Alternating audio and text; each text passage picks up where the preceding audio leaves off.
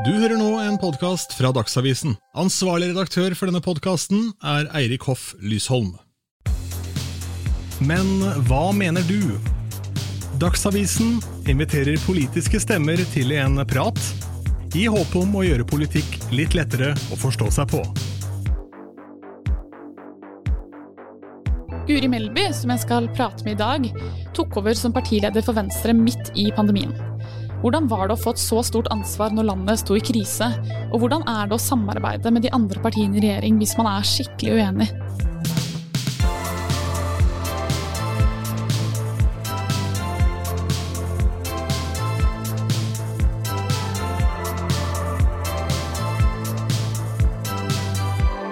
Hei Guri, og velkommen hit. Tusen takk.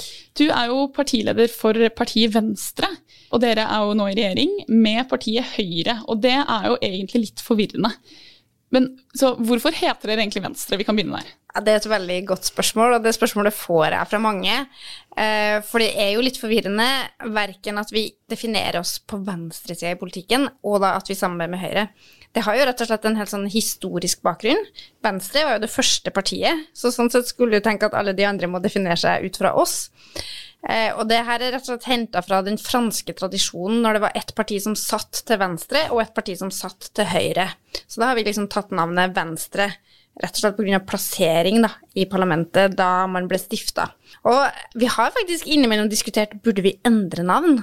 Jeg husker Da jeg var aktiv i Unge Venstre, så snakka vi om å kalle oss liksom radikale Venstre. Det heter jo vårt søsterparti i Danmark, f.eks. For, eksempel, for å signalisere noe mer da, om hva vi handler om, eller kanskje liberale Venstre. Men så har vi funnet at altså, det er også viktig å holde på en merkevare som er relativt godt kjent, da. så vi har nå holdt oss til Venstre så langt. Men du sa jo nå at dere fordi dere, eller dere er jo ikke helt på den venstre siden av politikken mm. når man snakker om sånn høyre- og venstrepolitikk.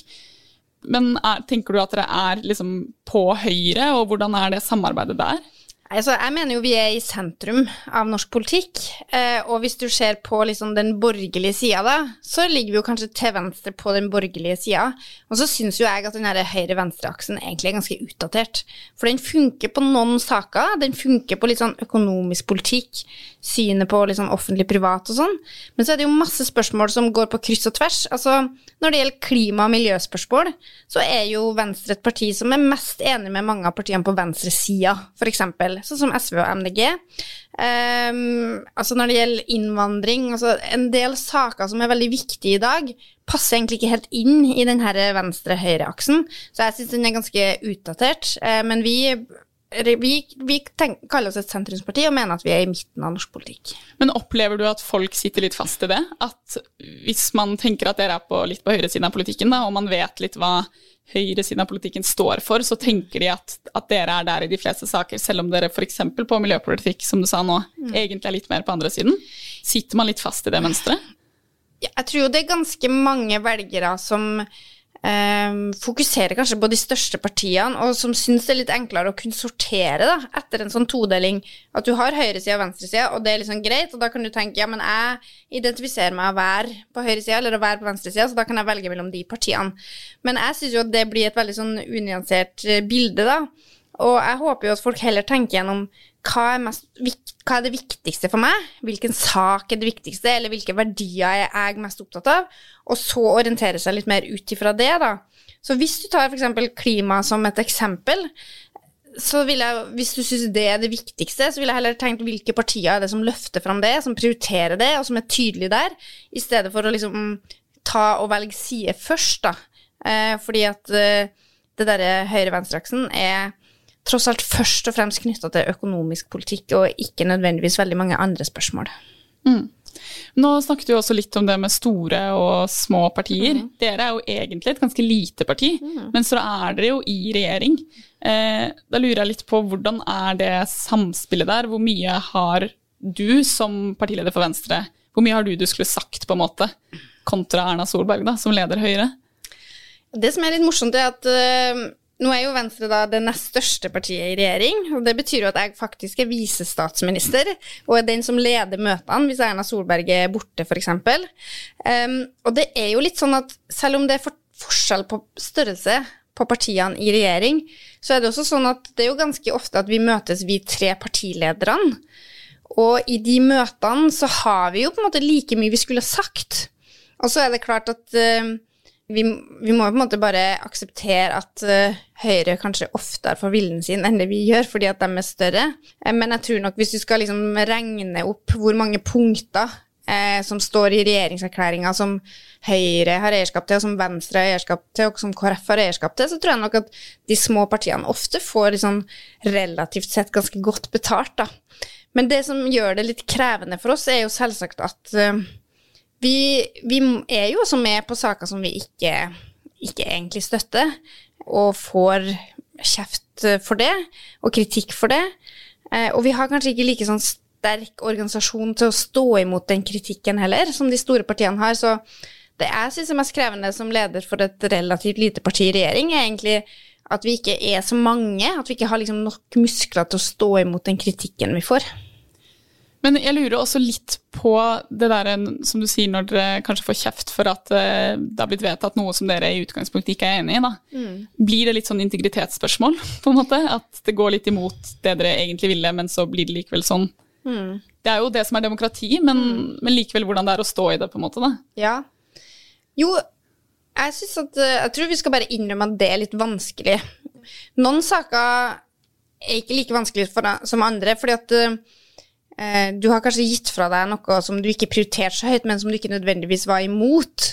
Sånn at um, Altså, det er for eksempel eh, ikke noe hemmelighet, tror jeg, at uh, Høyre prioriterer forsvarspolitikk høyere enn Venstre og bruker mer penger på det. Og det er litt sånn at jeg ville nok da ha brukt de pengene på andre ting. Men jeg syns jo ikke det er dumt å bruke penger på forsvar heller. Så det, jeg lever greit med det. Eh, det som er verre, er jo hvis at du bruker penger på noe som du faktisk er imot. Et sånt eksempel på en sånn sak er jo eh, å gi økonomisk støtte til Human Rights Service som eh, vi har gjort etter forlik med Fremskrittspartiet. Som jeg syns er vanskelig, og som jeg syns er problematisk. Fordi at jeg rett og slett er uenig i at de burde få penger. Så det er veldig forskjell på at noen saker er bare litt sånn ikke akkurat det jeg ville ha prioritert, og andre saker som du rett og slett er imot, da. Og da må du jo avveie, da. Hvor mye syns vi at vi får igjen, da, for å være med på det her? Og det er klart, når jeg vet at vi har greid å verne Lofoten og Vesterålen og Senja for oljeboring, når jeg vet at det er mange tusen barn som får gratis barnehage for at vi har prioritert det, når jeg vet at det faktisk er flere hundre lengeværende asylbarn som har fått bli i Norge, så, så mener jeg jo at det er verdt det. Men man må jo alltid gjøre en liten sånn opptelling for seg sjøl om man syns at det man gjør, er verdt det.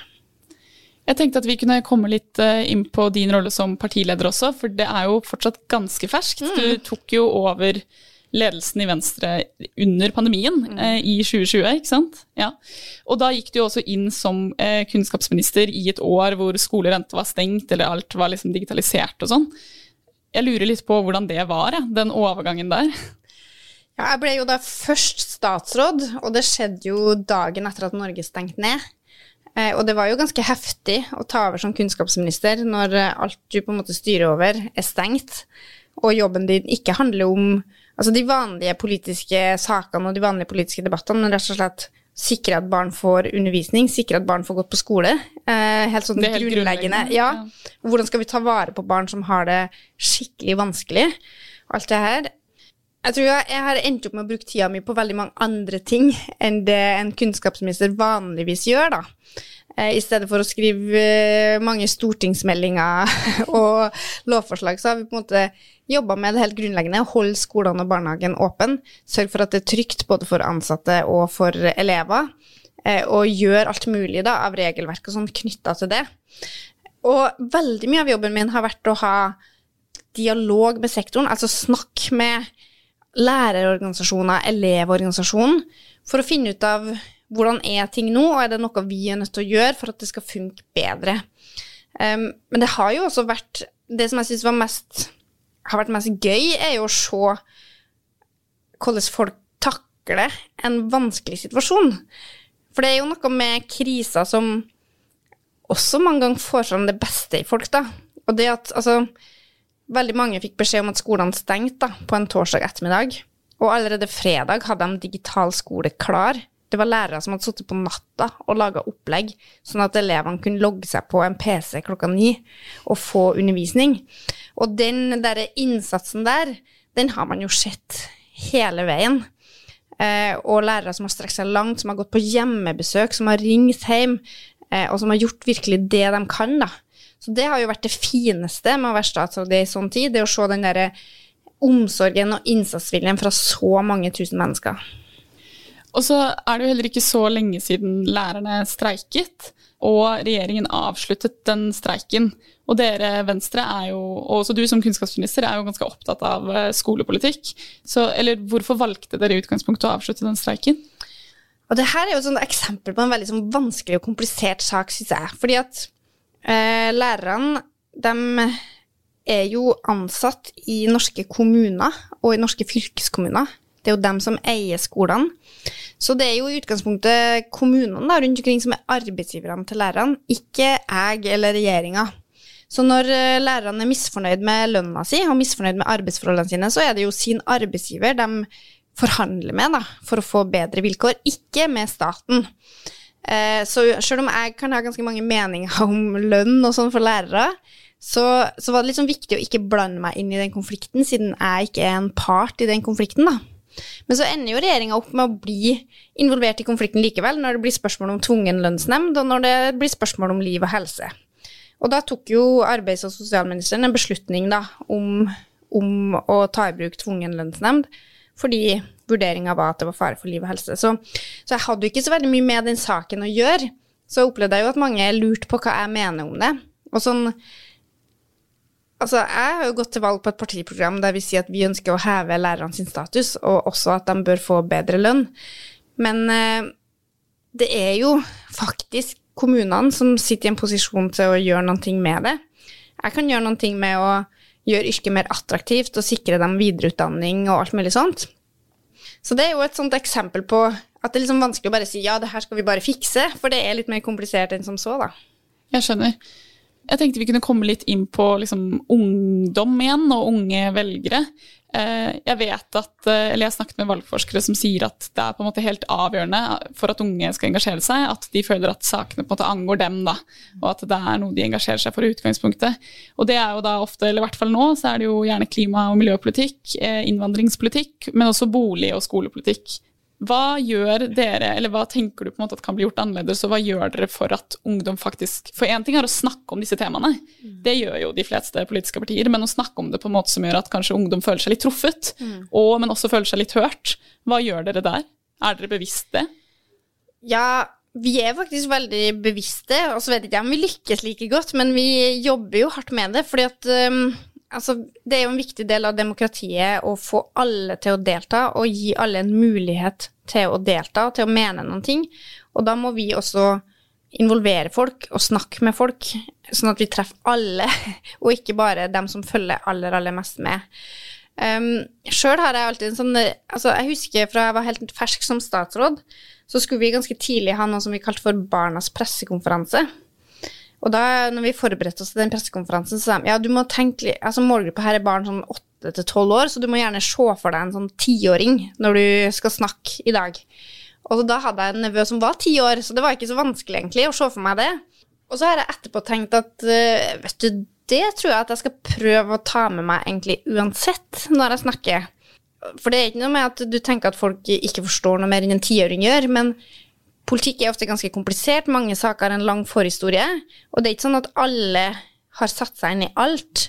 Så hvis du alltid tenker deg at du snakker til en tiåring, da, så tror jeg du liksom tilpasser deg litt, at du snakker med noen som, som eh, ikke på en måte kan masse om den saken fra før. Så jeg prøver å gjøre det, og så vet ikke jeg om jeg alltid greier det. Så mener jo jeg at de sakene som Venstre har prioritert øverst, faktisk er saker som betyr veldig mye for ungdom, da. Um, både klima, miljø, skolepolitikk, rusreform, dyrevern. Um, så jeg opplever at så lenge vi faktisk snakker om de saksområdene som unge, ungdom brenner for, uh, så blir de også veldig lett engasjert, da. Jeg tror også at disse sakene er jo Det er så stort, mm. og jeg tror det er litt lett, i hvert fall med klima, da, å tenke at sånn ok, men dette er jo et verdensomspennende mm. fenomen, på en måte. Hvordan hvordan skal vi kontrollere det, mm. hvordan kan politikere gjøre noe med det? At det nesten føles kanskje litt sånn maktesløst. Mm. Og i hvert fall hvis man ikke har fulgt hele saken, som du sier, da. Eh, hva vil du si til dem? på en måte? Hva kan man faktisk gjøre? Er det løsninger politikere kan gjøre som gjør at man vil føle seg litt tryggere som ungdom eh, når det kommer til klima, f.eks.? Ja, altså, jeg tror grunnen til at det oppleves som komplisert, det er jo fordi at det faktisk er komplisert. Um, jeg husker en gang det var før det skulle være så svært klimamøte, klimatoppmøte, da, internasjonalt klimatoppmøte, så var det en sånn avisskriving om hvor komplisert liksom, Norges politikk inn mot de forhandlingene var. Eh, og da husker jeg at Sveinung Rotevatn, som er klima- og miljøministeren, sa at ja, men det her er fordi det er kjempevanskelig, og det er veldig lett for alle å snakke i overskrifta bare si sånn ja, vi skal kutte utslipp, vi skal stoppe oljeleting, vi skal ta vare på naturen. Sånne ting er veldig lett. Men når du skal lage politikken, da, finne de løsningene som faktisk funker, så blir det kjempekomplisert. For da blir det sånn ja, vi må øke CO2-prisen med så og så mye hvert år for at vi skal kutte utslipp. Vi må Altså, det blir fort veldig sånn teknisk. Og jeg vet ikke helt om vi faktisk greier å komme oss unna det. Så min oppfordring til ungdom er jo faktisk å se litt forbi disse slagordene. For det er så enkelt for alle å bare si sånne slagord. Det er sikkert, det, altså alle partiene går jo helt sikkert til valg på at de skal kutte utslipp. Og så er det så lett å Ja, vi sier at vi skal kutte mer enn noen andre, så da er vi liksom best da, på klimapolitikk. Ja. Eh, og det, det mener jeg blir litt for enkelt. Så min oppfordring er egentlig å orke å gå inn i noe av det som er litt komplisert, på de tingene du faktisk bryr deg om. For det er først da du greier å se forskjellene. Så hvis du syns klima er viktigst, bruk liksom noen minutter på å sette deg inn i Det fins helt sikkert kjempegode podkaster eller noe som gjør at det er litt mer forståelig. Et annet eksempel på noe som er superkomplisert, er sånn oljeutvinning. Det er veldig lett mm. å bare si ja, vi må slutte å ta opp olje, men hva er det som er de mest effektive måtene å få det til å skje? Skal vi bare sette en sluttdato, eller skal vi endre skatteregimet for oljeselskapene? Kanskje vi kan oppnå like mye med å gjøre det? Så, så velg deg ut en sak eller to og sett deg litt sånn grundig inn i det, sånn at du ser forbi overskriftene. Da tror jeg at du finner det partiet som er riktig for deg. Du var jo også litt inne på i stad dette med liksom ordbruk. da, mm. Om at det kanskje også kan gjøre politikken litt mer tilgjengelig for unge. Og det, mm. det, tror jeg absolutt at den kan. Men det er jo veldig mange politikere som snakker veldig komplisert. Mm. Og det er også veldig mange begreper i politikken som er kompliserte. Ikke når man forklarer de, egentlig, men, men altså sosialisme, liberalisme, og så skal alle forstå det, men så gjør de kanskje egentlig ikke det. Jeg bare lurer på, som politiker, skjønner du alt selv? Nei. Det gjør jeg ikke. Nei. Nei, det må jeg bare innrømme. Altså, jeg tror nok Altså, hvis jeg først bruker et ord, så har jeg skjønt det. Men jeg må også innrømme at jeg hører på debatter, og så skjønner ikke jeg helt hva det her handler om. Mm. Og at jeg googler underveis. Oi, hva var det? Eh, det må jeg bare innrømme. Og alle som later som de skjønner alt. Ja, det er mulig at noen gjør det, altså. Det er mange som har mer erfaring enn meg, men jeg gjør i hvert fall ikke det. Så, og jeg tror faktisk noe av det viktigste er for jeg, jeg, tror nok det er mange som er liksom redd for å delta i debatten, for man er redd for å bli liksom tatt på noe. da. Redd for å bli tatt på at man sier noe feil, eh, og redd for å bli avslørt, da, som at man ikke kan nok. Jeg var sånn i veldig mange år, helt til jeg liksom innså at uh, ja, men jeg kan jo liksom komme med mine perspektiv, og i en sånn hektisk debatt, la oss si at du engasjerer deg etter den på Twitter eller Facebook, så rekker du alltid å sjekke alt, men tør å innrømme det da, hvis du tok feil og tør å si ja, men her har du faktisk et kjempegodt argument, kanskje jeg skal vurdere den saken på ny igjen.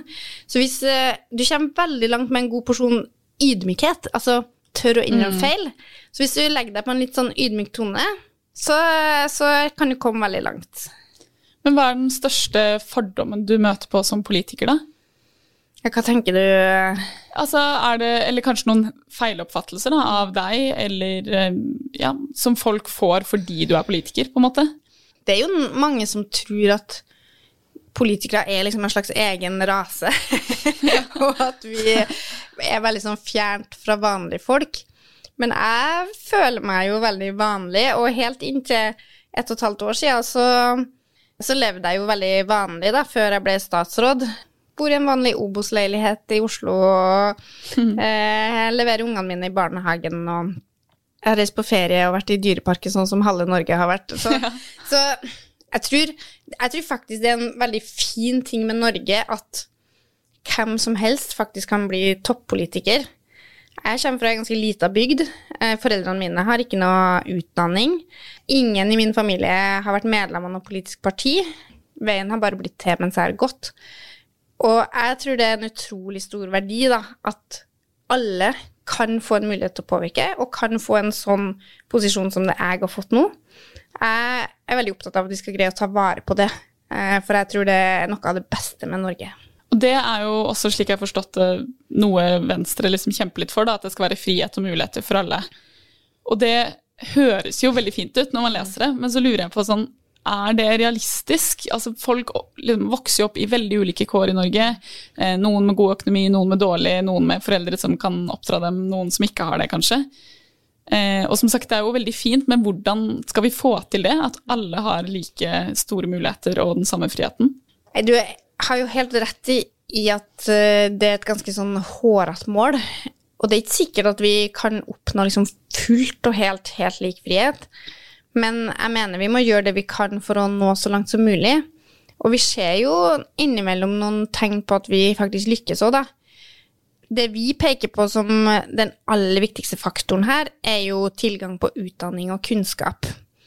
Altså, i Norge, da, så har vi jo en god offentlig skole som er tilgjengelig for alle over hele landet.